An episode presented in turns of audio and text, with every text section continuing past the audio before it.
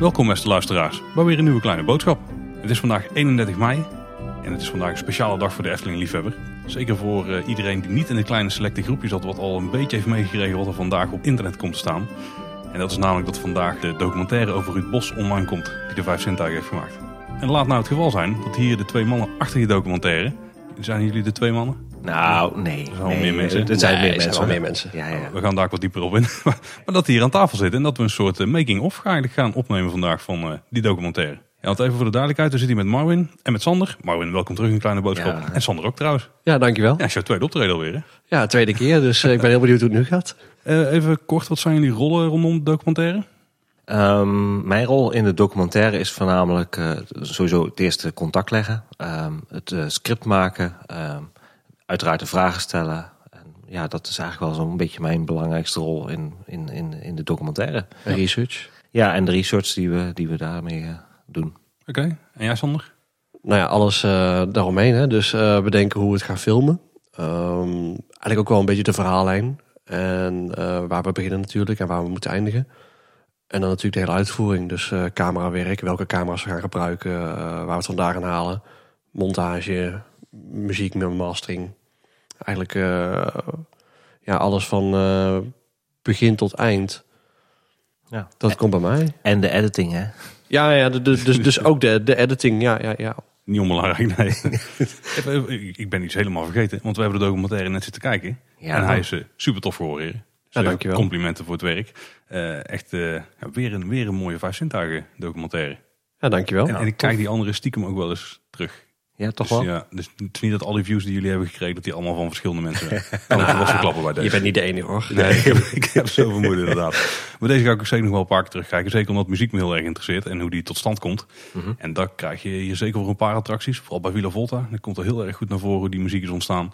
Eh dat komt er zeker wel terug. En dat is echt een eh, leuk kijkje in de keuken. Ja. Wat, wat is je eerste reactie, eh, Paul? Ja, tof. Ja, en de eerste reactie die vraag je dan meteen naar de rand. En dat is misschien ook wel een beetje het zwaarste moment van de documentaire. Eh spoilers, want dat is de ontmoeting met eh, Ton en Lex die eh Ruud dan heeft. Ja, ja. Eh, met nog een voice-over eh, daarna van Ton. Ja, Ja? klopt inderdaad. En dan wordt het beeld zwart. Of Tenminste, dan is het beeld al zwart. ja, dan, eh, zoals we dat dan noemen in vaktermen, dan veet het beeld naar zwart. Ja. Dus, eh, Dus, dan nog wel, dus op dat moment denk je, oh, dan komt er wel even, hakt er wel in, zeg maar. Maar de documentaire in het algemeen, ja, echt, echt super tof. Ik vind echt het kijkje in de keuken bij ehm, hoe de muziek tot stand komt. Ja, dat is gewoon super interessant. En dan die anekdotes er altijd bij komen kijken. Want het gewoon het er ook vertellen hoe iets gebeurt. Oké, weet je wel, dat weet je wel een beetje. Maar dan juist al die, al die anekdotes, vooral eh, hoe bijvoorbeeld het, het, vrouwen, ehm, het vrouwenkoortje bij Villa Volta, dat hij daar heeft omgekeerd. Zo'n truc in het eh, overdubben van de drums. Dus dat er meerdere drums in zitten. Dat soort eh, dingetjes, dat is tof. En ja, nog wel wat andere anekdotes. Maar daar gaan we daar denk ik wel Vast wel meer over ja, hebben. daar Ja. gaan we het wel uitgebreid over hebben. Even ehm, als eerste vraag, want dat is denk ik de vraag die iedereen wel heeft. Waarom duurt het zo lang voordat hij uitkwam? Ja, nee, ja.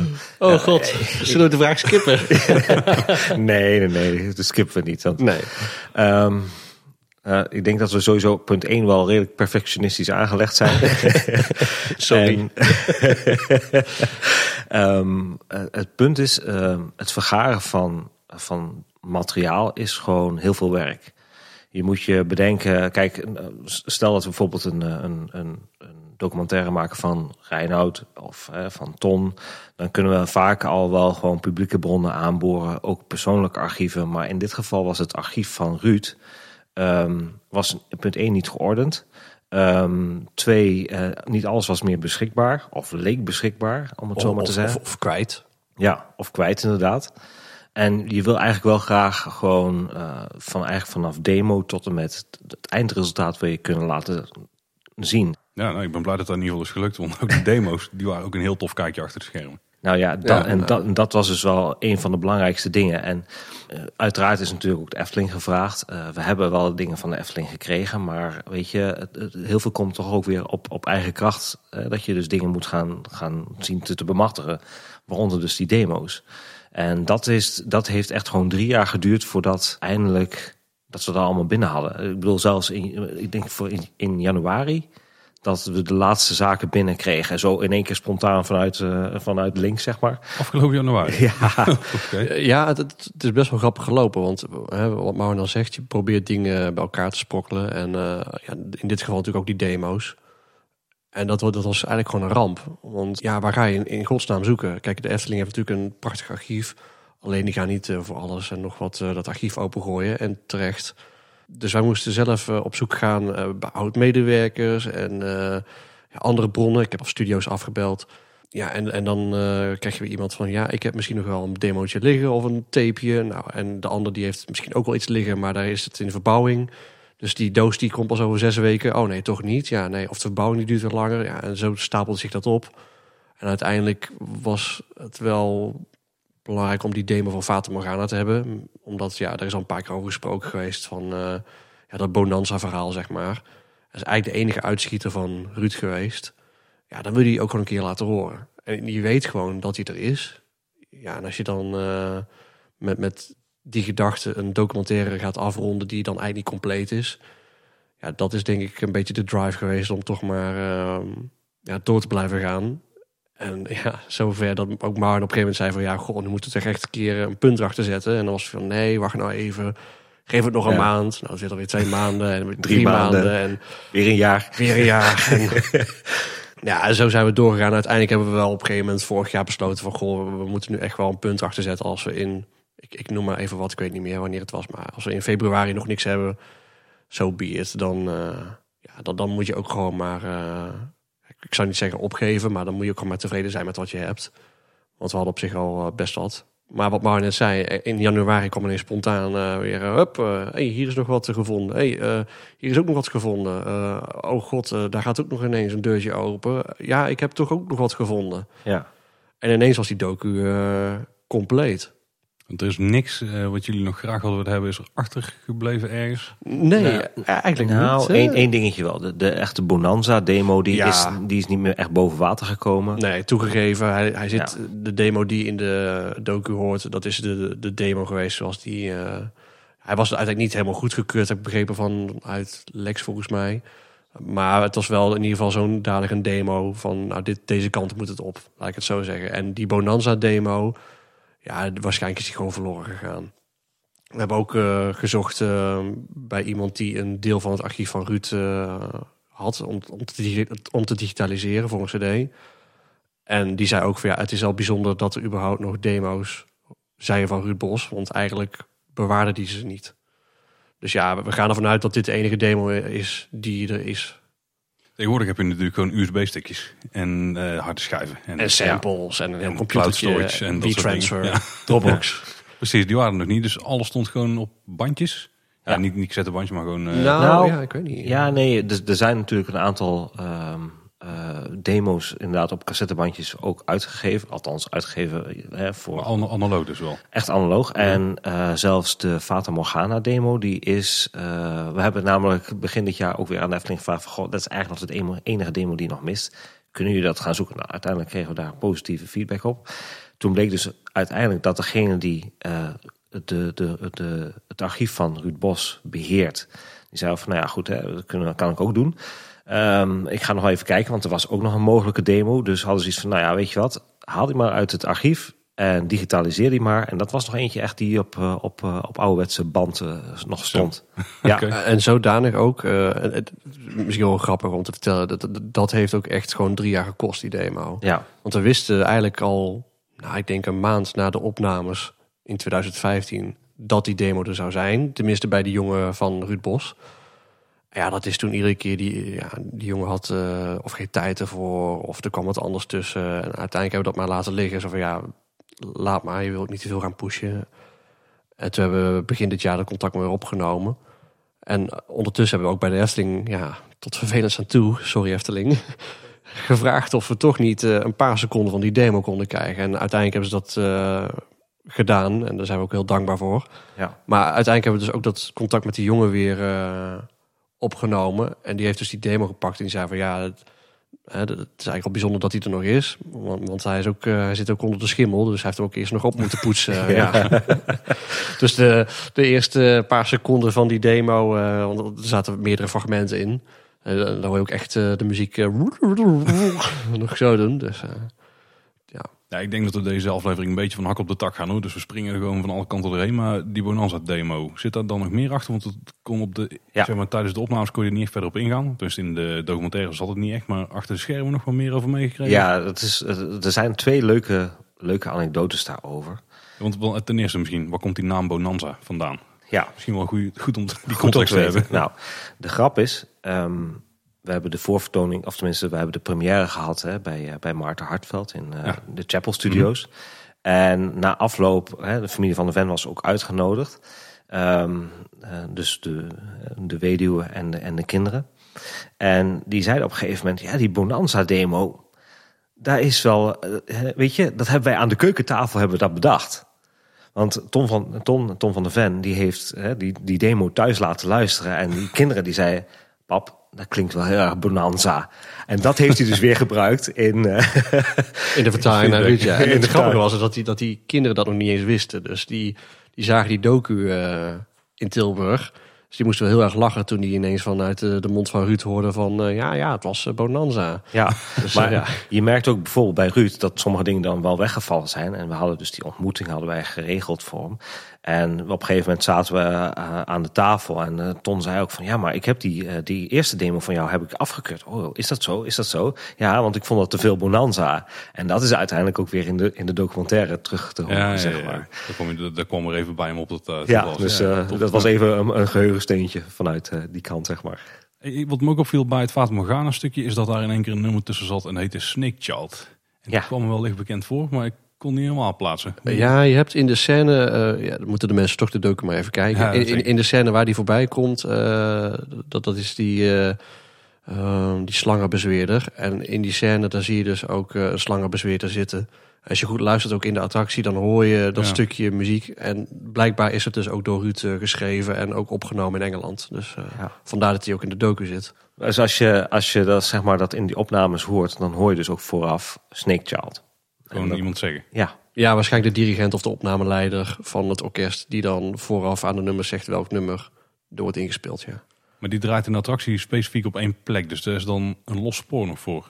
Eh, ja, er is het los spoor, want je hebt natuurlijk ook al die stemmen en geluiden. En ehm, er zit dus een los spoor in eh, van die, eh, die Snake Child. En het grappige is nog zelfs dat eh, in de attractie, en ik weet niet of dat een technische beperking is, maar daar hebben ze maar, eh, ik, ik noem maar even wat 30 seconden kunnen gebruiken. Terwijl eh, de opname iets, iets langer is. Er zit dus in de opname zit dus daadwerkelijk nog een, ja, ik zal maar zeggen, een, een eindstukje. En die zit in de attractie niet. In de attractie wordt hij gewoon geloopt. Dus dat is ook wel weer Ja, grappig, ja. Want die loopt ook niet synchroon met de muziek. Hoeft ook niet. Eh. Nee, volgens mij loopt hij niet synchroon, nee. nee. Ik zeg al, we springen van hak op de tak. Maar misschien moeten we ook even een beetje vooraan beginnen. Van hoe, Ja. hoe ziet het proces van het maken van zo'n documentaire eruit? Waar ontstaat het idee? Hoe kom je bij Ruud? Want de- dat is natuurlijk het eerste. Het onderwerp moet je als eerste hebben, denk ik. En hoe eh, werk je dan eh, ja, eigenlijk vanuit het onderwerp het hele traject uit? Want er komt wordt een soort verhaal gemaakt, denk ik of zo. Maar eh, beginnen vooraan. in principe, ehm, kijk, we hadden natuurlijk Ton en Lex hadden wij al, eh, en dan hadden we een documentaire van gemaakt. En ik had zoiets van, ja, weet je, om het verhaal compleet te maken, hè, want dat zijn toch wel de drie creati- creatieve geesten, Ruud, Ton en Lex, waar het toch in de basis wel eh, mee start. Van Ruud wil het ook graag zijn verhaal horen. Dus uiteindelijk heeft Lex heeft met Ruud contact opgenomen. Van goh, hey, die jongens die willen dit, eh, een documentaire van je gaan maken. Misschien moet je dat gaan doen. En zo is dat balletje gaan rollen. Voordat we überhaupt maar beginnen, doe ik wel eerst mijn research. Hè. Vooral wat, wat heeft hij gedaan? Wat hier ook wel bij hielp, zeg maar, is dat Erwin Taats heeft voor ochtend eh, in Pretparkland, of zelfs, denk ik zelfs nog misschien zo Parkkast, heeft hij ook een interview gehouden. Dus dat zijn i- voor mij bronnen waar ik graag ook even in luister en, en kijk van, goh, wat, wat is er allemaal uit te halen. Eh, dan houden we een voorbespreking met Ruud. En gaan we kijken van, goh, hè, eh, wat weet je hier nog van? Wat weet je daar nog van? Wat weet je zus nog van? Dat was volgens mij zelfs nog ergens in de buurt van Udenhout of Oosterwijk. Ja, volgens mij Oosterwijk. eh, Oosterwijk, inderdaad. Volgens mij, ja. Ja, het was zo voor een concert van Zonnebloem. Dus eh, dan hadden we nog even... Ja, Dat gebeurt ook, ja. ja, precies. Dus vooraf hadden we dus dat, hadden we even nog een gesprekje met hem. En dan gaan we gewoon kijken van ja, weet je, wat, wat, wat, eh, wat weet jij daar nog van? Goh, heb je misschien zelf nog leuke verhalen of wat je daar nog kunt, eh, kunt herinneren? Want soms heb je wel ook mythes binnen, binnen de fandom, zeg maar, hè, die je dan graag bevestigd wil zien of juist niet. Nou, vanuit daar, eh, als we dat een beetje tot ons genomen hebben, kunnen we dan de final vragenlijst gaan maken. En dan kunnen we een opnamedatum gaan plannen. Ja, want is het uiteindelijk op één datum opgenomen, Ja. beelden in het park? In dit geval eh, 11 augustus 2000. 2015 hoor ik net. Ja. Zo. Ja, want je, je maakt dus een draaiboek voor zo'n dag, dus je hebt al redelijk wel eh, een idee van ja, waar je het allemaal over gaat hebben. Misschien dat sommige dingen nog spontaan ter sprake komen. Nou, wat Marvin zegt, eh, kijk, eh, we hebben die voorbespreking ook met Ruud. En ehm, daaruit wordt uiteindelijk het script gemaakt. In ieder geval, het script moet je in dit geval zien, eh, een vragenlijst. En wat zijn belangrijke dingen en wat zijn eh, dingen die we echt moeten hebben. En wij hebben dan samen vooral overleg van, oké, hoe willen we dit nou in gaan steken? En kijk, bij Marvin is het dan ook vanuit research en hè, zijn kant van, oké, dit zijn ook dingen die misschien interessant zijn. En vanuit mijn kant is dan weer van, ja, hoe ga ik het vertalen naar beeld? en een verhaallijn eromheen creëren. En ik had natuurlijk zelf ook wel eh, mijn ideeën. En mijn idee was eh, dan bijvoorbeeld om eh, ja, meer die, achtergrond te pakken. Dus ehm, ja, je moet je voorstellen dat in die tijd, ja, als je Tom van der Ven en Lex Lemmens, nou, die hadden een componist nodig. Nou, uiteindelijk werd dat dan Ruud. En dat dan Ruud Bos, iemand die voor vooral tv, theater eh, en film schrijft, geconfronteerd wordt met twee creatievelingen. Van ja, maak hier maar muziek voor. Ja, en, en, en ehm, ook in die tijd natuurlijk met het maken van demo's. Hè. Hoe ging dat? Hoe moet het dan geklonken hebben? En hoe landt het dan bij Tom van der Ven en Lex Lemmers? Want die moeten daarnaar luisteren. Die moeten dan bepalen van oké, eh, dit is goed of niet goed. Of eh, nou, succes, ga maar aan de slag met een orkest. Waar een heel budget aan vast zit. Dus ja, dat, dat is dan wel interessant. Want tegenwoordig, ja, wordt het eigenlijk eh, heel veel uit de computer gehaald. Met heel veel samples. En klinkt het al heel ver als een orkest. Ja. Het is natuurlijk wel nep, maar het, het, dat had je vroeger niet. Dus dat vond ik het interessant. En dan, ehm, ja, dan hebben wij gewoon overleg hoe dat we dat willen hebben. En dan ja, hoe we dat op één draaidag in elkaar gaan steken. Waar we beginnen met de Efteling ook van... Goh, hoe lang hebben we? Welke dag is geschikt? En dan maken we aan de hand daarvan eigenlijk een draaiboekje van... Nou, eh, die mensen zijn aanwezig. Zo laat gaan we starten. En eh, zo lang hebben we per attractie ongeveer. En zo laat gaan we pauzeren. En ja, daarin in die tijd moet je het doen.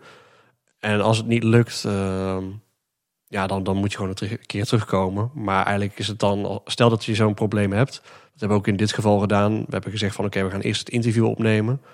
En daarna gaan we extra beelden schieten in de attracties. Mhm. En dan heb je ook eventueel dat Ruud daar niet meer bij aanwezig hoeft te zijn. Ja. Dus, dus zo steek je het eigenlijk in elkaar.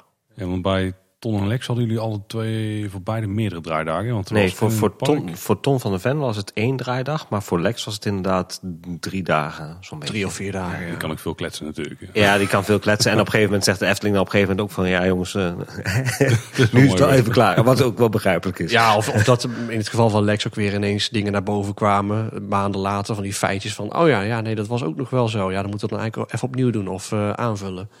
Want in dit geval, dus, hey, je hebt dus één draaidag gehad, daar heb je materiaal uit. Ja. Eh, je hebt nog wat eh, b-roll, zoals het dan heet, dus voor de, de, de- de tussendoor. Ja. Ehm, heb- dan ga je monteren, Ja. tenminste editen. Dan, dan komt er verhaal en die moet dan echt eruit komen. Ja. En als je op dat moment dan, op dan, dus best wel later nog achter komt dat je dingen mist, hoe ga je dan daarmee om? Vul je dan op met de voice-over? Want die zit er ook heel beperkt in. Ik denk misschien 15, 20 zinnen of zo.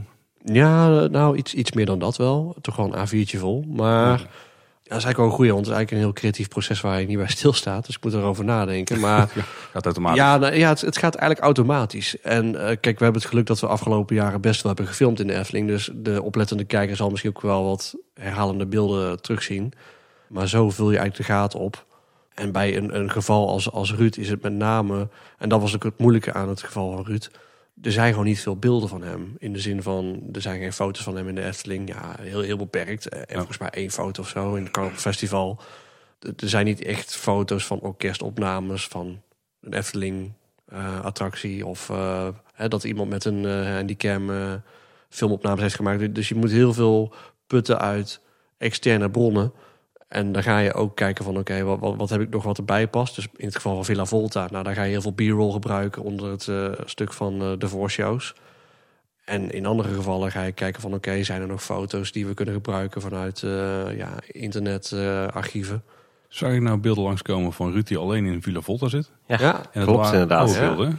Ja. Eh, maar ja, dat klopt wel, ja. Ja, dat klopt. Die, eh, Dat, zijn, dat, was, dat was ook wel zo'n proces, weet je.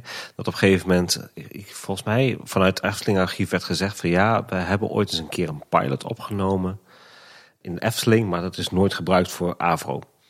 Eh, en dat was, dat was klassiek friek. En dat waren een stel studenten die dat eh, voor de opleiding deden. Volgens mij wel ter onderzoek van eh, de uitzendorganisatie. En uiteindelijk eh, wisten wij via onze contacten, zeg maar weer eh, connectie te leggen met, eh, met, volgens mij was het destijds de AVRO.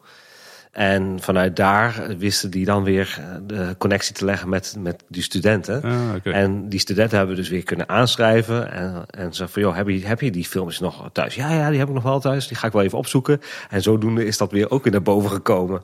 Van Hoeveel seconden daarvan is nou uiteindelijk gebruikt? Nou, ik denk dat het eh, nou, eigenlijk alleen een stukje uit Villa Volta waar je, waar je Ja. zit zitten. Ja, het, het grappige is dus dat we hadden dus inderdaad gevraagd aan de Efteling ook van goh, eh, hebben jullie nog wat dingen die, eh, die, die ons zouden kunnen helpen daarmee qua, qua beeld, hè, foto's of wat dan ook, wie weet.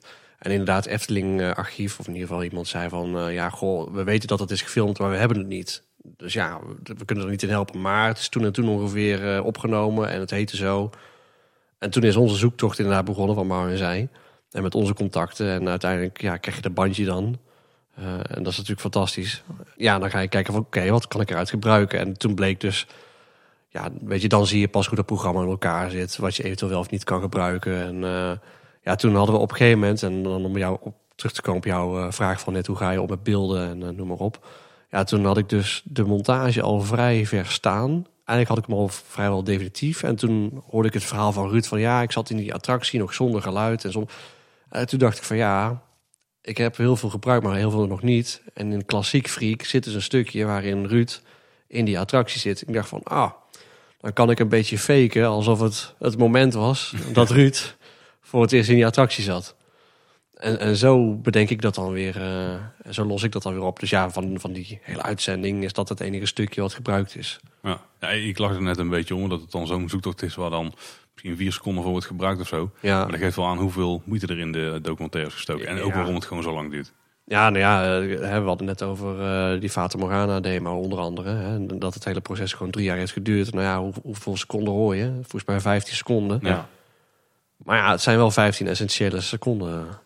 Wat we zelf nog wel eens mee hebben gemaakt, we hebben wel eens opnames gemaakt van Fata Morgana. Ik denk, we doen het netjes, we checken even bij de Efteling van kunnen wij die gewoon publiceren, omdat er natuurlijk de muziek in de achtergrond zit. Ja. Eh, hebben jullie daar ook, zijn er ook tegen aangelopen dat je dat soort dingen tegenkomt? Want jullie willen alleen maar muziek eh, laten gebruiken. En je hoort op YouTube heel vaak van dat je strikes krijgt, hè, want eh ja, copyright claims en dat soort dingen. Dat is ook wel een dingetje geweest. Ja, klopt inderdaad. We zijn er tegen aangelopen, want op een gegeven moment wilden we graag hè, van Carnaval Festival wilden wij graag de, de thema's laten horen. Ik had aan de Efteling gevraagd eh, om eh, de sporen van Carnaval Festival. In, in die zin, ik wilde in de montage, want hij heeft het dus over ehm, dat hij het heel moeilijk vond om eh, van het ene land naar het andere land eh, te gaan. Zonder dat je de overgang zeg maar hoort of dat het niet gelijk loopt. Mhm. En dat wilde ik in die montage terug laten horen. Dat als je er naar luistert, dat je dus ook hoort dat alles eigenlijk gelijk loopt. Maar in een andere sfeer gaat. Dus we hebben toen die cd-tracks gepakt. En toen heb ik, nou, ik, denk echt van eh, vijf cd's waarop het is uitgebracht. En daar gekeken van oké, als ik dat allemaal losknip, kan ik het dan netjes achter elkaar zetten zonder dat je de overgang hoort. En dat lukte niet. Dus toen heb ik de Efteling gevraagd van goh, kunnen jullie, al is het maar een minuut, maakt me niet uit, eh, dat sturen. Dan kan ik het in de montage, kan ik dat netjes over laten lopen. En dan hoor je het niet. Nou, nou, dat moest natuurlijk ook even goed eh, overlegd worden van ja, kan dat zomaar of niet? En Efteling archief, ik zeg ja, jongens, ik kan ook met de microfoon in de attractie gaan zitten, maar ja, dat is ook weer de kwaliteit eh, die jullie en wij niet willen. Dus ja, wat, wat, kunnen we doen? En uiteindelijk hebben ze gezegd van nou, dan moet je eerst even checken bij de erven van Toon Hermans eh, of het akkoord is dat je die muziek mag gebruiken. Dus de Efteling uitgeverij die heeft, ik dacht dat zij dat hebben gedaan, ons in contact gebracht met iemand van Universal. En ja, die hebben dan weer contact met de erven van Toon Hermans. En daar hebben, daaraan hebben we aangegeven van goh, we willen dit doen, eh, dit is het idee. Uiteindelijk waren ze daarmee akkoord en zo hebben we dan weer die rechten afgesproken en eh, hoe we dat Ja. oplossen. Oké, best wel een proces ook. Ook dat is weer een Ja. proces. Het, het klinkt heel simpel en ja, ik denk dat heel veel mensen misschien denken van oh ja, je hebt gewoon een cd gepakt, maar op de achtergrond eh, is het iets eh, ingewikkelder dan dat. Ja. Als ik die zoektochten zo hoor, was dit misschien wel de complexste van de documentaires die jullie tot nu toe hebben gemaakt? ja, absoluut. Ja, Dat eh, kun je wel zeggen, ja. En dat voor een documentaire van 50 minuten ongeveer. Ja, hè? ja, ja. Terwijl die van Lex die duurde, Nee, Lex duurt eh, bijna twee uur. ja, dat was 43 minuten volgens mij of zo. Ja, 1 uur 43 minuten. Ik, ik weet niet aan mijn hoofd. En eh, Ton duurt iets meer dan een uurtje, meen ik. Je hebt een draaidag gehad. Je hebt daarnaast nog heel veel materiaal. Eh, waarschijnlijk veel meer dan dat je kunt gebruiken. Hoe bepaal je nou wat je laat vallen? dat is Kill Your Darling Ja. XXL. zoals wij dat noemen. nou, dat was vooral bij het Lex eh, Kill Your Darlings eh, XXL, zoals we dat noemen. Ja, weet je, je neemt heel veel op. En soms neem je ook dingen dubbel op. Eh, gewoon ter check. Of omdat je denkt van ja, misschien moet het nog een keertje op een andere plek opnemen voor het geval dat. Of hè, er zijn heel veel redenen voor. En uiteindelijk gaan wij in een montage kijken. Althans, dat, eh, dat, dat is dan mijn job een beetje. Van oké, hoe ga je dingen aan elkaar plakken? En wat is interessant? En dan, ja, heel eerlijk, ik ga gewoon op de stoel zitten van de fan. En dan ga ik denken van oké, wat, wat is interessant, wat niet? Eh, wat, wat willen we sowieso weten? Nou, dat is heel makkelijk, dat, dat haalt er al uit. En ja, dan heb je nog een aantal vragen die ertussen zitten... waar je denkt van ja, is het toegevoegde waarde? Of wat is het antwoord van Ruud? Ik bedoel, eh, Ruud heeft ook wel eens antwoord gegeven van... oh, dat weet ik niet meer. Of ja, hele korte antwoorden. Denk ik van ja, daar, daar kan ik niet zoveel mee. En, en bijvoorbeeld een van die dingen is van ja, weet je, er zat een vraag tussen van... eh, ga je wel eens naar een pretpark? Ja, weet je, de reactie van Ruud is dan eigenlijk van... eh, nee, nee, eigenlijk niet. En dan, ja, dan, dan is het even stil, dan zie je hem lachen... en dan, oh, weet je wel, zo van, oh, wat zeg ik nou? Een leuke reactie, maar ja, van weinig toegevoegde waarde is een docu. Dus op die manier ga je gewoon spitten van, oké, wat is nou echt essentieel? Wat zijn dingen die misschien leuk zijn? Kijk, en eh, als je nou terugkijkt... Ja, wie- wie weet hadden er wel dingen uitgekund, maar...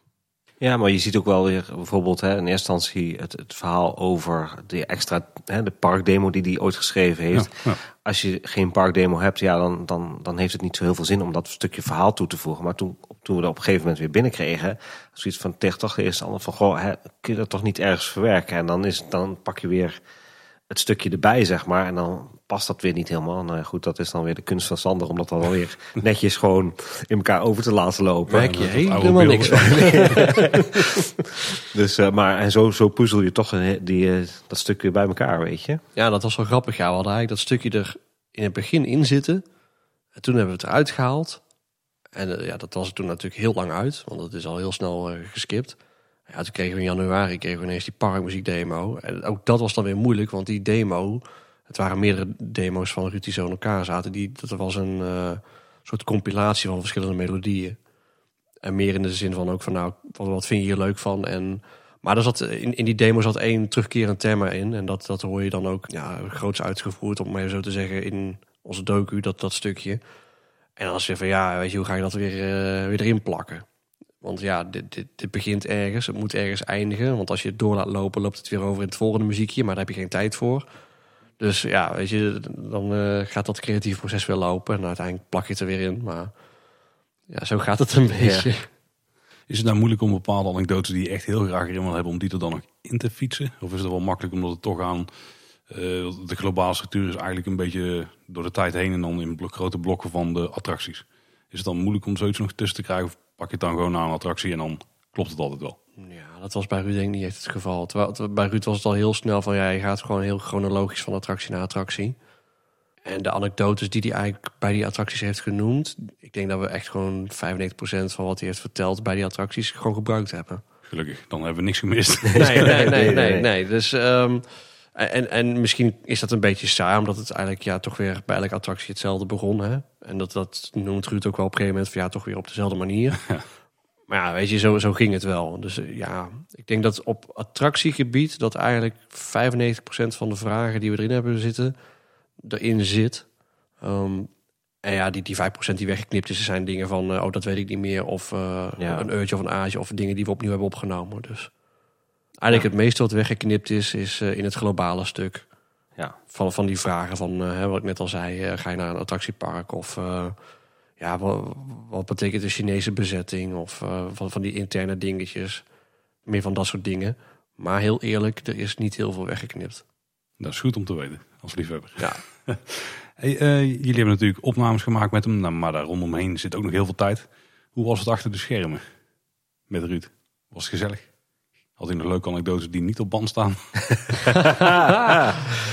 Goh, ja, ik moet heel eerlijk zeggen, het was wel lastig in te schatten bij Ruud. Want we hebben dat voorgesprek gehad en dat, dat, dat, was, dat was eigenlijk wel heel goed verlopen. En hè, inderdaad, wat Marlon zei, van je gaat even vragen van wat weet jij nog? Of wat, wat, wat heb je nog om te vertellen? En wij hebben natuurlijk vragen. En ik had dan ook zo'n vraag van, goh, op internet gaat een beetje het gerucht van die, uh, dat koor in de Villa Volta, dat is gewoon synthesizer. En ik, ik vond dat veel te echt klinken. Dus ik vroeg haar uit van ja, dat, dat, klopt volgens mij niet. Volgens mij is het gewoon echt koor.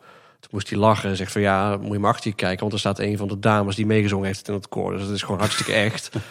Uh, dus hij was daar ook gewoon heel toegankelijk in. En um, ja, gewoon, gewoon een fijne, warme man met heel veel kennis. Maar wel op leeftijd. En dat merkten we ook wel met de opname zelf. Kijk, het was een creatieve man. En dat, heel eerlijk, merk ik zelf ook met projecten. Um, je hebt zoveel te doen. En zeker een, iemand als Ruud, die, die ging echt van de een naar de andere opdracht. Ja, die laat het gewoon achter zich. En die gaat gewoon door. En dat zegt hij ook in, zijn, uh, in de docu op het eind. En die gaat door en die sluit het af. Dus je moet op zo'n moment uh, met het voorgesprek heel veel dingen weer terughalen. Of wat Mara net zei, uh, tijdens de lunch met Ton en Lex. Van ja, Ruud, we hebben wel een demo afgekeurd. Oh, oh, is dat zo? Dus ja, weet je, je merkt in die zin dat hij wel al op leeftijd is verder eigenlijk gewoon heel plezierig. Het, enige moment uh, wat wel apart was, was dat we in Fata Morgana gingen filmen. Gewoon voor de B-roll. En daar was Ruud nog bij. En we hebben er twee keer in gezeten, maar Ruud is er één keer uitgegaan. Want die kon gewoon de herrie van de bijgeluiden niet meer aanhoren. Ja, dus dan komt dat haar verhaal vandaan. Nee, dat, dat het verhaal was er al wel. Tenminste, dat, dat, ik meen me te herinneren dat Loopings daar al wel een keer over had geschreven. Of, of een andere website. Of maar toen wij in de attractie gingen, toen, dat was ook nog voor de verbouwing en, en zo. Dat, ja, toen had je nog steeds wel dat de muziek vrij zacht stond. Uh, vergeleken met de bijgeluiden van alles. En ja, ik, ik, ik snap dat wel. Als je dan in die attractie gaat en uh, ja, je hoort meer herrie dan muziek. Ja, daar baalde hij gewoon echt van. ja, daar baalde hij oprecht van. En uh, ja, hij, hij baalde zodanig dat hij gewoon niet een tweede keer wilde. Ja, hij vertelt natuurlijk ook in een documentaire dat hij dat juist het mooiste moment vindt als je die jungle Ja. in komt varen. En juist daar was het geluid heel zacht. En is tegenwoordig wel flink onder andere, maar ook als je daarna de marktscène op eh, ging. Ja, weet je, die balkende ezel. eh, de- een, een animatronic die in een of ander dingetje met eh, iets rammelt. En ja, je hoorde zoveel geluiden. De muziek stond toen echt, echt veel zachter dan, dan die geluiden. Dus, en dan moet, dan moet je dan ook heel eerlijk in zijn. Ehm, op het moment dat die attractie gemaakt werd, was het juist andersom. Die muziek die was leidend en die geluiden die waren ter ondersteuning voor de sfeer. Tenminste, hè, om in ieder geval wat, wat levendiger te maken. Dat die, om maar even zo plat te zeggen, die, die poppen ook gewoon dat, dat die iets doen, dat, het- Ja. dat het leeft. En ja, als je dan nu een, eh, meer eh, geluid hoort dan muziek, ja, dan snap ik wel deze componist denkt van ja, dit was niet eh, mijn bedoeling. dus dat begrepen we wel. Ja. Maar verder, verder heel plezierig, ja. Ja, op een gegeven moment, weet je, dan heb je dus eh, pauze en ehm, middagpauze. En eh, nou, dan hadden ze iets van, nou weet je wat, eh, we waren toch bij Vogelrok. Laten we even doorgaan naar, eh, naar Welkom. Ze hadden het tafeltje gereserveerd. En op een gegeven moment zitten wij samen met Lex, Ton en, Ruud natuurlijk. Uh, zit op de grote bank. En nou goed, ik was even met Ton nog even aan het babbelen over zijn laatste reis naar uh, Marrakesh, die hij net had, uh, had gedaan. En op een gegeven moment uh, blijkt ik een van de fans die, uh, die, die ziet Ton zitten. En uh, dus die, die loopt naar, naar ons af en uh, zegt: Goh, ja, meneer Van der Ven, ik wil graag even met u op de foto. En we zitten echt zo kijken. We, ja, prima. Dus, en Ton had zoiets oh, prima, weet je, prima. Dus nou goed, die, uh, die gaan even voor de foto staan. En die komt weer terugzitten en uh, weet je, die, die poort Ruud zo even in, de, in zijn zijde. Ja, ze herkennen je niet, hè? Die ze ik herkennen je niet, hè? dus dat, dat soort dingen, dat kom je dan ook weer tegen. En dat is gewoon leuk om te, om te zien. Dat soort, uh, ja, dat soort herinneringen zijn heel fijn. Ja, we zijn net al die met de ontmoeting daar eindigt de documentaire mee. Uh, hoe kwam die tot stand? Want dat was niet heel spontaan, neem ik aan. Nee, nee dat was voorbereid. Hè? Het, was, het was voorbereid, maar wel als verrassing. Want ik had wel ja, zoiets ja. van, um, weet je, het lijkt me wel leuk om gewoon die drie heren bij elkaar te, te brengen.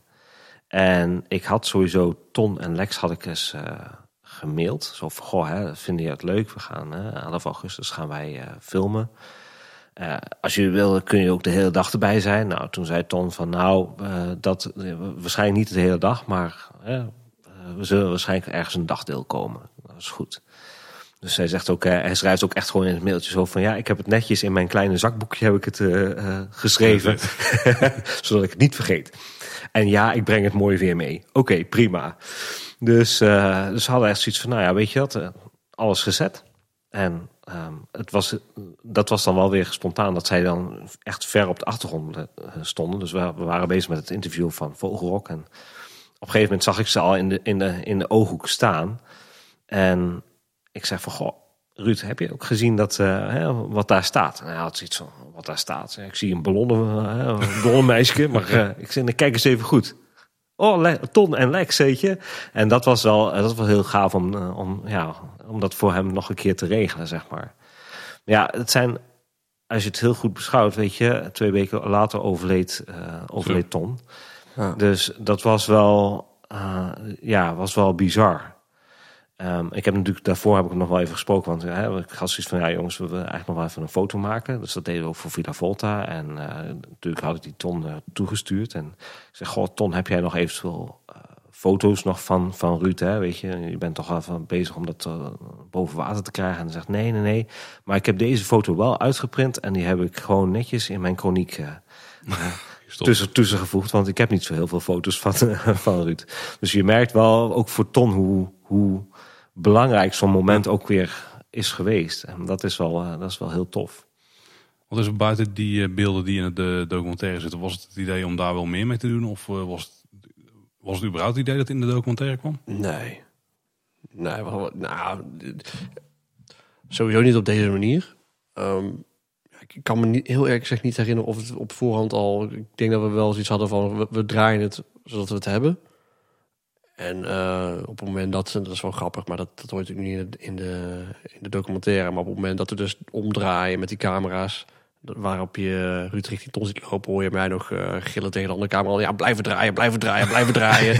Want ik, ik hoorde het geluid, dus ik zei, ja, blijven draaien, blijven draaien.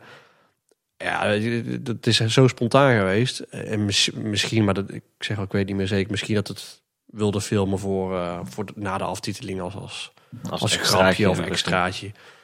Maar niet op deze manier, nee. Nee. De lading is in één keer wel een stuk anders geworden natuurlijk. Ja, het is, dit, is echt wel... eh, ja, weet je, en, en ook de, de, de docu begint eigenlijk heel anders dan ik voor ogen had. En het, het is allemaal zo anders gelopen door het overlijden van Ton. Ik bedoel, eh, ik, ik heb een week na de opnames en een week voor zijn overlijden... heb ik nog die demo's bij hem opgehaald die hij had. Dus ook daarin mogen we Ton heel dankbaar zijn dat hij heel veel bewaard heeft. Ehm, en dat dus ook de docu geworden is zoals die nu is. Ja. Dat, dat- daar hebben we hem echt wel eh, te danken aan. Ja, dat, eh, dat, dat is gewoon heel bizar. En ja, weet je, je probeert dan toch maar eh, op deze manier er iets moois van te maken. Ja. Ook als eh, meer of meer vanuit mijn kant als een bedankje naar Ton. En het was in het begin iets te beladen, omdat het nog zo vers was. Maar ik denk dat het op deze manier mooi is. En ja, de woorden die je van Ton hoort op het eind uit zijn documentaire, ja, die, die zeggen denk ik alles. Ja. Ja. Als je, als je een titel zou mogen geven aan een documentaire buiten... eh, Ik weet niet wat de titel eigenlijk is. Is het gewoon Ruud Bos? Ja, Ja, documentaire Ruud Bos. Ja. Eh, Maestro, dat is een mooi Ja, soort. Maestro. Ja, Maestro, ja. Ondertitel, ja. Nou ja, en wat je dus ook merkt in dit geval, weet je, we hebben dan ook de première gehad. ehm, en ik, heb, ik, wil- ik wilde me ook bewust dat de familie van de Ven daarbij aanwezig was. In ieder geval zijn kinderen, en natuurlijk eh, Rietje. En die hebben er ook direct ja op gezegd.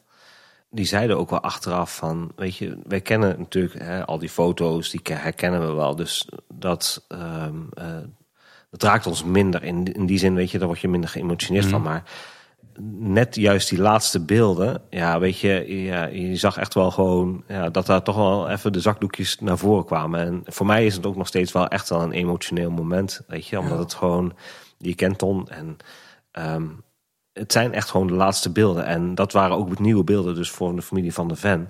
En dat, dat raakte enorm. Dat is ook het mooiste compliment wat je kunt krijgen na zo'n docu. Dat mensen zeggen van, joh, weet je, het- is alsof Ton gewoon zo uit het scherm kan stappen, weet je. En dat is, ja, mo- mooier kan het niet zijn. Ik denk ook dat het voor heel veel mensen een eh, emotioneel moment is. Kijk, eh, voor- de een natuurlijk meer dan voor de ander. Ik bedoel, er zijn heel veel fans die op dat moment geraakt waren bij die première.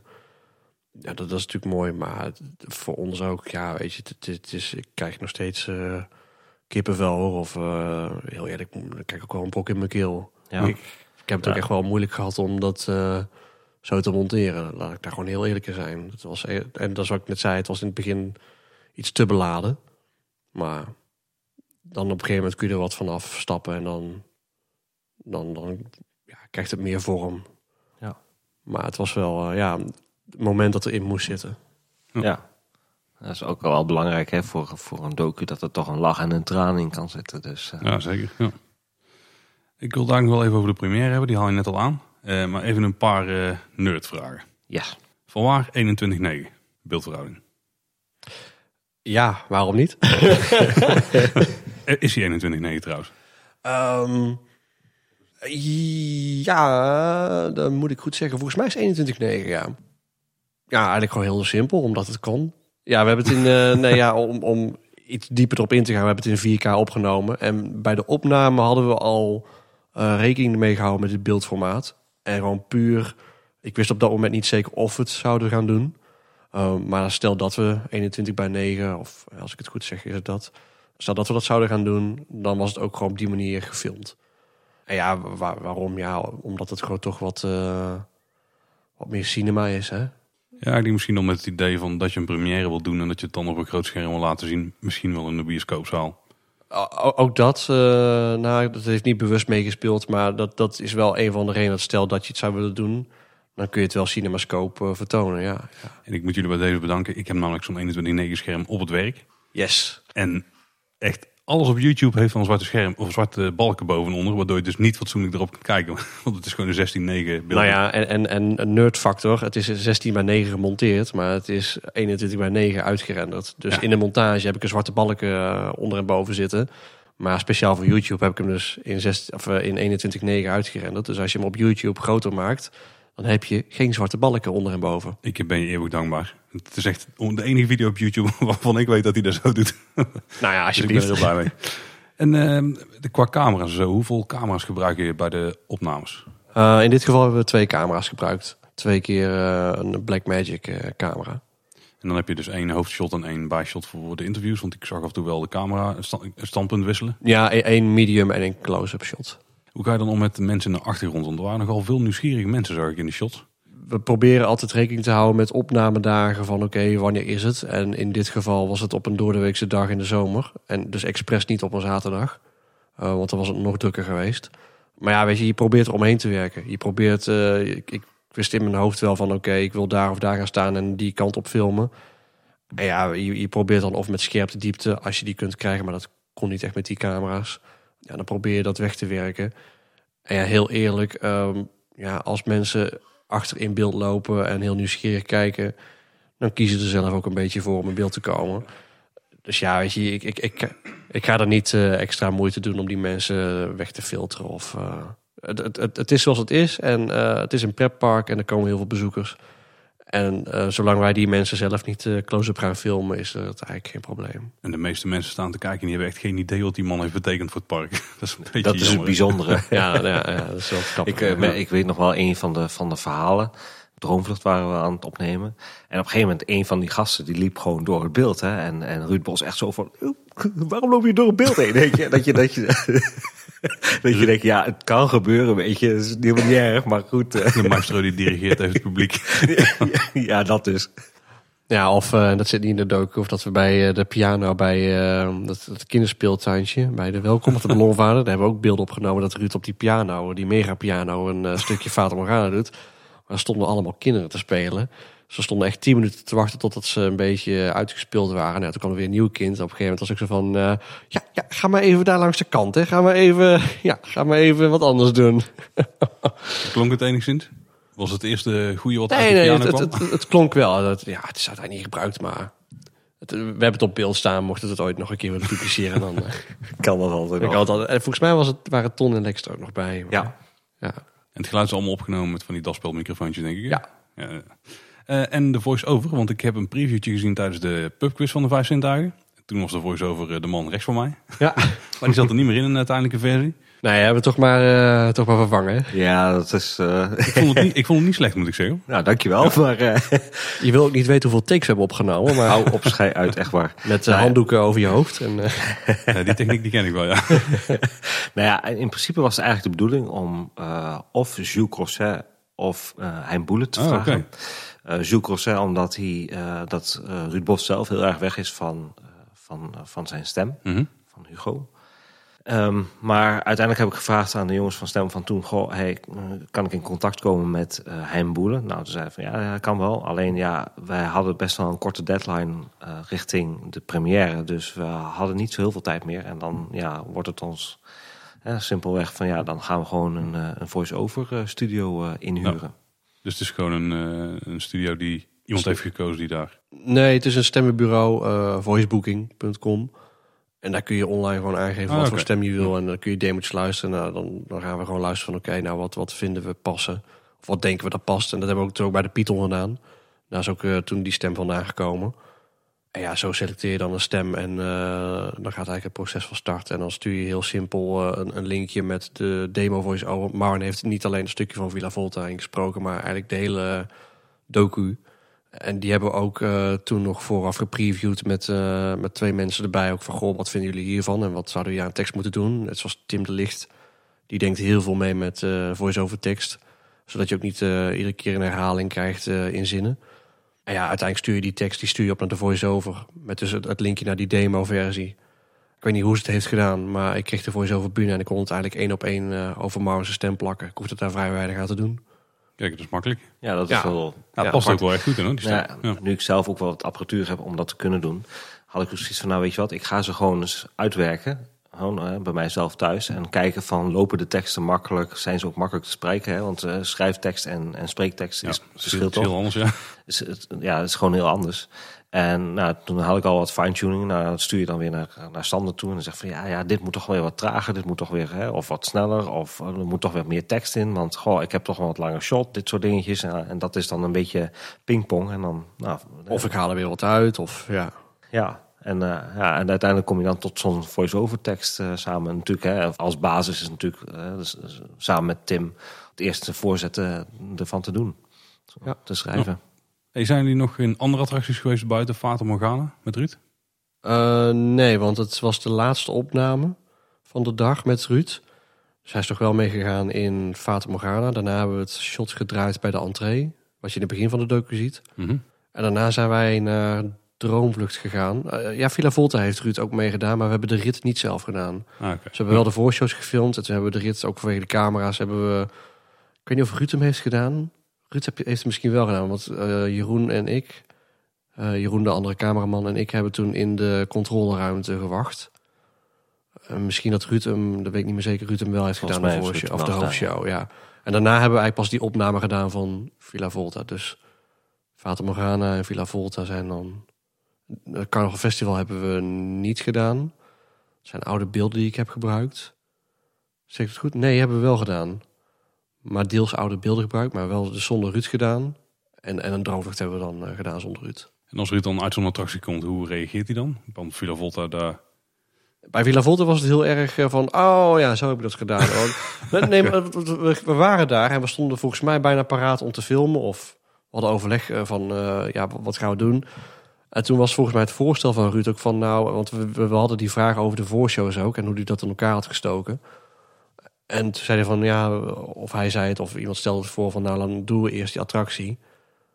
En dan daarna doen we de opname. En eigenlijk was was het voor Ruud al heel snel van... oh ja, ik heb het zo en zo gedaan. En eh, ik had eerst het zo bedacht en toen is het zo gelopen. En ja, achteraf, eh, als je dat dan weer navraagt bij eh, een Lex... of luistert naar de demo, dan denk ik van... oh ja, dat klopt ook echt compleet wat hij zegt. Dus dat heeft wel goed gedaan. En bij de andere attracties hebben we eigenlijk gewoon daarvoor gewoon opgenomen. Zijn we niet eerst in de attractie gegaan. Ja, ik ben dan echt benieuwd hoe die dan... eh, want ik- hij hoort het niet iedere ja, maand terug, zoals wij dat misschien wel hebben. Nee, nou ja, ik, eh, ja, wat ik al zei bij eh Fata Morgana... ja, dat, eh, daar wilde hij gewoon Ja, uit. Eh, ja, logisch op dat moment. En ja, droomvlucht hebben we dus niet gedaan. Maar ik viel me nog één ding op. Ehm hij had het bij het stuk over Vogelrok over dat je... eh, dat hij dus dingen hoorde van als je dan daar langs gaat, dan zie je vogels. Of dan kom je langs vogels. En eh dat was een van die dingen die ze hebben aangepakt bij de laatste eh, onderhoudsbeurt bij Vogelrok. Dat ze die geluidseffecten hebben toegevoegd. Het klonk voor mij al erg alsof dat die, die toen al had voorbereid. Want dat was ook het verhaal een beetje. Ja, nou, duidelijk. sterker nog, er waren al heel lang geruchten bij medewerkers van Vogelrok dat die geluiden al in het systeem zaten, maar nooit gebruikt werden. En ehm, ik moet heel eerlijk zeggen dat ik niet weet of dat echt zo is. En of ik kan dus ook niet bevestigen of die geluiden die er nu in zitten ook daadwerkelijk van Ruud zijn. Of in ieder geval uit de, de, de samples die Ruud heeft opgestuurd toen. Dat weet ik niet. Ehm, maar het, het gerucht ging al wel onder de medewerkers dat die geluiden er al wel waren. Of in ieder geval een, een, een aparte track met geluiden of iets Ja. anders, ja. Ja, het klonk, ik kwam heel erg over dat het niet alleen over de muziek ging, maar ook om meer dingen die daaromheen gebeurden. Zeg maar. Dus ik was heel erg benieuwd van, komt dat echt van Ruud? Want volgens mij weten we nog steeds niet heel erg zeker. Nee, voor mij was het in ieder geval niet bekend destijds. Dus anders had ik het waarschijnlijk wel gevraagd. Ehm, Sterker nog, we hebben het volgens mij wel gevraagd. Maar hij wist het niet meer. We hebben het volgens mij in het voorgesprek. Want omdat ik al dat, dat van die medewerkers, dat was al wel. Ja. Dat, dat, dat ken ik wel. maar Ja, ik durf het niet zeker meer te zeggen hoor. Maar misschien dat hij dat niet. Ik denk wel dat we het gevraagd hebben. Of camera. dat weet ik niet. Die staat mij in ieder geval niet bij. Maar Nee, ik ook niet. Maar ja, dat, dat zijn dus een van die dingen die, ja, die Ruud dan ook niet meer weet. Nou, lang geleden al. Heel lang geleden, ja. Dus helaas geen bevestiging of eh, ontkrachting. eh. En wat ook nog wel eh, mooi was, meer een observatie die, eh, waar jij me ook bij eh, aantikte, Marvin.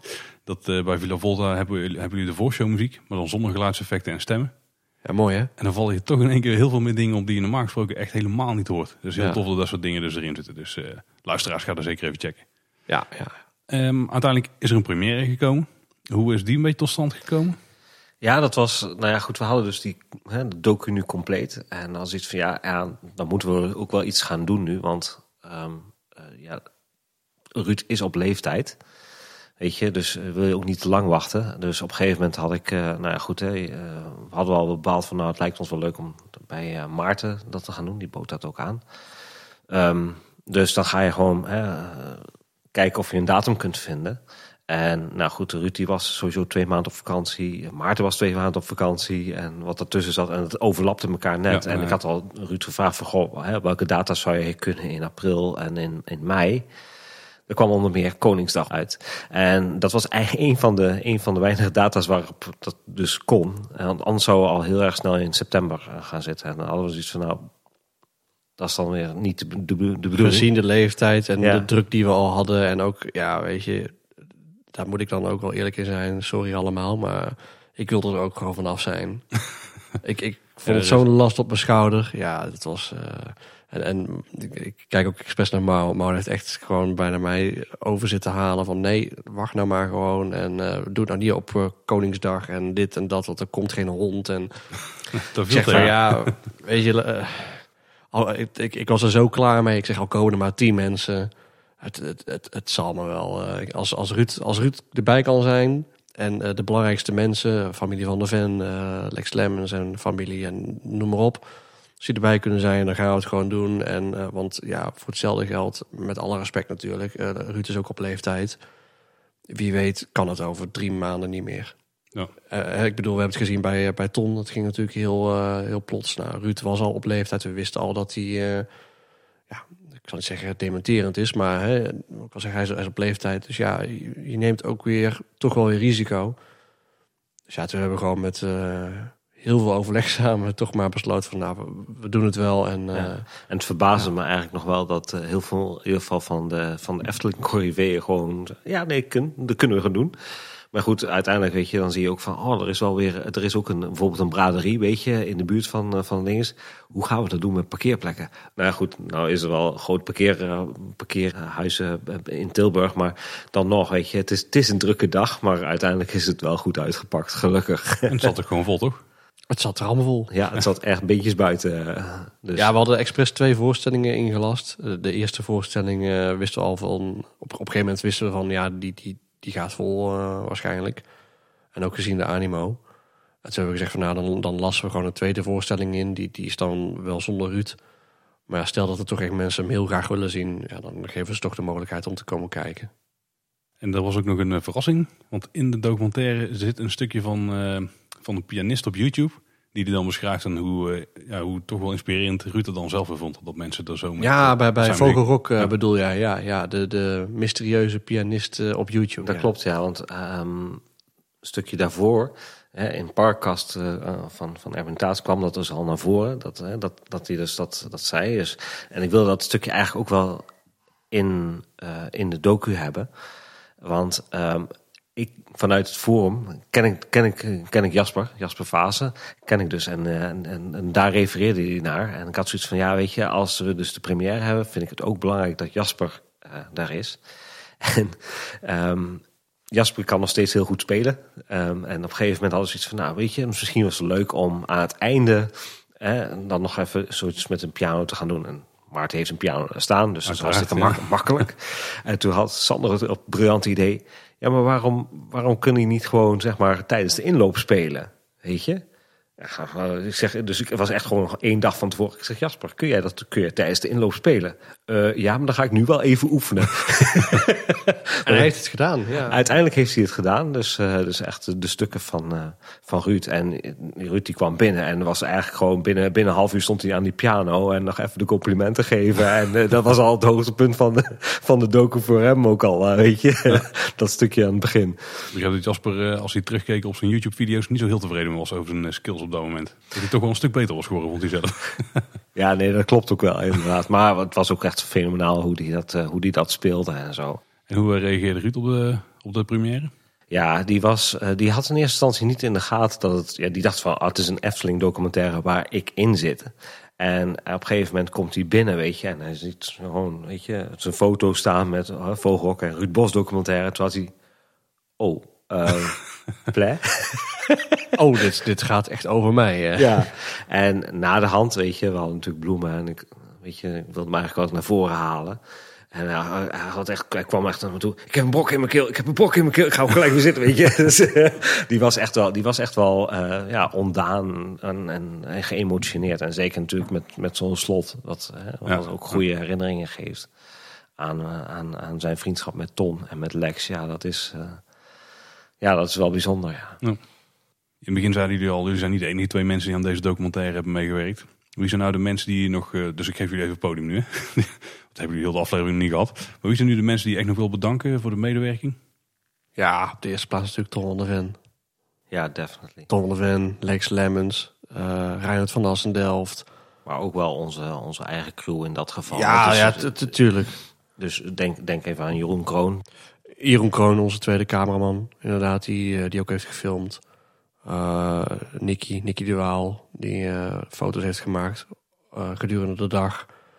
Dennis, die de hele dag met, met een ja, reflector heeft gestaan om Ruud te belichten. um, dat is dan ook al te vragen. Ja. Ja, hij, staat, ja, hij stond ook wel goed in de schaduw op een paar plekken waar niet echt schaduw is, volgens mij. Met in de schaduw nou, hij heeft wel in de schaduw gestaan. Hoor. In, ieder geval, in ieder geval bij de opnames met de grondlet op de achtergrond. Um, maar Dennis heeft er gewoon overal met de reflector bij lopen lichten. Ja, daarbuiten nog uh, Carlo. Ja, die, die heeft veel gedaan. Ook aan, aan, mensen schrijven en contacten. nou ja, Nicole, jouw ja. zus, die weer wat connecties hier en daar had. Waarmee we dingen hebben gevonden. Ja, ik, ik, vergeet absoluut mensen. Ja, Tim voor de voice-over. Ik, ik, ik, vergeet absoluut mensen. En zo zie je dus ah. dat er heel veel mensen meewerken aan zo'n documentaire. Ook al is het soms een kleine bijdrage, soms een grote bijdrage. Dus ja. ja check de credits even aan het einde. Ja, ja, ja, ja ze, ze, staan allemaal in de credits. Ja. En je had het net over dat je op een gegeven moment wel graag van het project af zou zijn. Is dat ook omdat er misschien op de horizon weer een nieuwe stip is verschenen? Ja, ik weet al waar jij naartoe wil. ik weet waar je naartoe wil. Um, maar heel eerlijk, nee. Maar, op dat moment ook niet. Maar, nee, nee, op dat moment niet. Nee, we, nee, we hadden echt al in, in eind 2008 zoiets van, nee, we moeten het af gaan ronden. En, en toen in januari het laatste materiaal boven water kwam... waarmee de docu eigenlijk rond was. En ook uh, voor mij als filmmaker naar mijn zin. Want dat, dat ja, heel eerlijk, het was toch ook wel een beetje mijn zin doordrijven. Hè? Maar in ieder geval, uh, toen wilde ik er ook gewoon vanaf zijn. En dat is wat ik net zei met uh, die première. Ja, dan, dan wil je ook gewoon dan wil je het achter je laten. Maar in dat hele proces, en ja, dat, dat is al wel langer. En dat heeft niet uh, hier aan niet aan bijgedragen om het af te ronden. Maar we waren wel heel lang bezig met een nieuwe docu. Ja. Zullen we gewoon vertellen. We, we hebben het zelf al een keer verteld in deze aflevering. Nou, we- Of in de vorige ik, ik denk dat eh, Paul zich nog wel herinnert eh, bij de pubquiz eh, dat hij eh, erover begon. Maar in ieder geval, eh, we- zijn bezig met een docu over eh, de bouw van Fata Morgana. Ik, ik wil niet zeggen docu, misschien meer making of. Maar Goed, dat gaan we wel achteraf zien wat beter past. Ja. Maar even in, in de lijn van, van, deze, van deze docu. Het is al een docu die we eigenlijk ook alweer lang op de planning hebben staan. Maar vanwege Ruud Bos, want dat willen we graag eerst afmaken. Wat je nu ziet, en dat, dat, hoor je ook wel van mensen. Is dat die verhalen beginnen zichzelf hè, gewoon te interlokken, zullen we maar zeggen. En hè, dus, eh, dus je, kunt, je hebt nu een stukje creatief vanuit Ton, een stukje techniek vanuit Lex, van de muziek. Eh nou, Reinoud vanuit de marketingperspectief. Ehm eh, Ruud de Klerk vanuit meer de directie. En we gaan nu eh, met een beetje wil gaan we focussen op Paul Beck. Ah, oké. Dus dat wordt, eh, dat wordt de volgende docu. En die zal hopelijk wat sneller gaan dan, eh, dan Ruud. Wat minder eh, rechten en zoekwerk naar muziekstukken. Die Ja, daarbij ja, ja, ja. komen En kijken. we hebben in het verleden hebben we al eens een keer wel eh interview gedaan met, met Paul. Maar dat was niet naar ons zin. Dus dat gaan we nog eens een keer eh, goed over doen. Meer snor op eh, de documentaire. Precies. Dus er is nog genoeg in het vooruitzicht. Ja.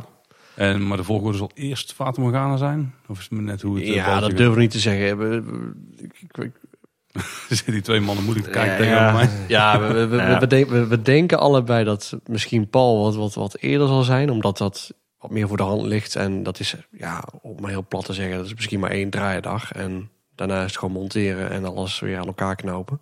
ja. En wie weet, het ook weer vijf jaar hoor. Maar Ja, ga, ik ga ik- ervan uit van niet. En, en Fata Morgana is toch echt wel met meerdere mensen, eh, spoiler alert. Nee, het is echt wel met meerdere mensen opnemen. En misschien ook op verschillende locaties. Mensen misschien bij elkaar brengen om ja, van gedachten te wisselen. En, en ja, als je kijkt naar hoeveel werk Fata Morgana is geweest en wat er eigenlijk allemaal aan vooraf gaat. Dan moeten wij ook nog maar uit gaan uitzoeken van oké, waar beginnen we? Hè? Het, het verhaaltje weer, waar gaan we beginnen en waar gaan we eindigen? Ja. Kijk, je, je kunt wel eindigen met eh, hij is open en eh yippie maar de hele voortrek bij Fata Morgana, dat eh, kan je nu al verklappen. Dat is ook wel heel, heel interessant, maar ook... Ja, we, we hebben al wat, wat, wat voorgesprekken gehad daarin. Ook al eerder in dat geval, een aantal jaar eerder. Dus zo lang speelt het al. Maar ja, ik denk dat er daar nog wel hele leuke verrassingen eh, te wachten staat. Hoop ik, als ze uitkomen. ik weet wel zeker. Ja. Dus ja, dankjewel. Moet ik daar weer naar gaan uitkijken en lang op gaan zitten wachten. Ja, de- de- Ja, je hebt, je hebt stiekem al stukjes gezien, hè? Je Ja, hebt, nee, eh. Ik, ik heb al iets meer gezien dan de meeste gelukkig. Je, je Ja. hebt een, eh, een hele mooie trailer gezien. Ik weet nog niet of en wanneer we hem online gaan zetten. Ik moet hem eerst maar even bij de Efteling laten zien. Ehm, nee, maar dat, dat komt al goed. Maar in ieder geval, eh, ja, in, in de docu van eh, Ruud zitten stiekem ook al eh, een paar Ja. beelden. een paar hints. Een paar hints. Ik denk dat iedereen die hem dadelijk gaat kijken wel kan raden welke stukjes het eh, Ja. zijn. En check maar eens even of je het misschien in Fata Morgana weer terug kunt vinden. Ja, ja, ik snap wat je Ja, dat weet ik wel zeker. Ja. Zet het beeld maar eens even stil en kijk rustig. ja, als het een beetje glimt, dan eh, even pauzeren. Bijvoorbeeld. Ja, ja, ja. En stukjes ervoor en stukjes erachter. Oh, ook nog. Dan moet ik hem weer opnieuw gaan kijken en pauzeren. hey, heren, hartstikke bedankt. En niet alleen voor dat jullie hier zijn, maar ook gewoon voor het maken van die documentaire. Want als gedaan. Efteling liefhebber, dan spreek ik denk namens iedereen die dit luistert. Eh, dit zijn gewoon echt hele toffe dingen. Met al het research wat, er, wat erachter zit. Gewoon informatie die we ook nog gewoon niet wisten. En een kijkje in de keuken, dat vinden we volgens mij allemaal prachtig. Ja, dankjewel. Magische Klok is niet voor niks een van de populairdere series op eh, YouTube. Oh, komt dat toch, hè? Efteling. ja, ja. Oh, oh. Ja, als ik, als, ik, als ik dan zo mag afsluiten in die zin met een quote van Ton van der Ven.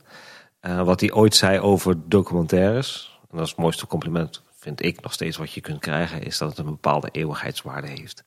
Ja, en voor mij is het toch wel het mooiste compliment. eh, de, kijk, we doen het natuurlijk wel stiekem voor de fans. Maar het kwam bij mij pas echt over toen eh, bij het overlijden van Ton. Bij de crematie eigenlijk dat de familie van de Ven naar ons kwam. En ja, eigenlijk ons ja, heel erg kwam bedanken over wat wij had- hadden gemaakt. Dat ze toch nog iets tastbaars hadden ja, van, van hun dierbaren, zeg maar. En op dat moment ja, sloeg hij bij eigenlijk pas bij mij en ik denk ook bij jou wel in. Ja, van. Ja, dit, dit is niet meer.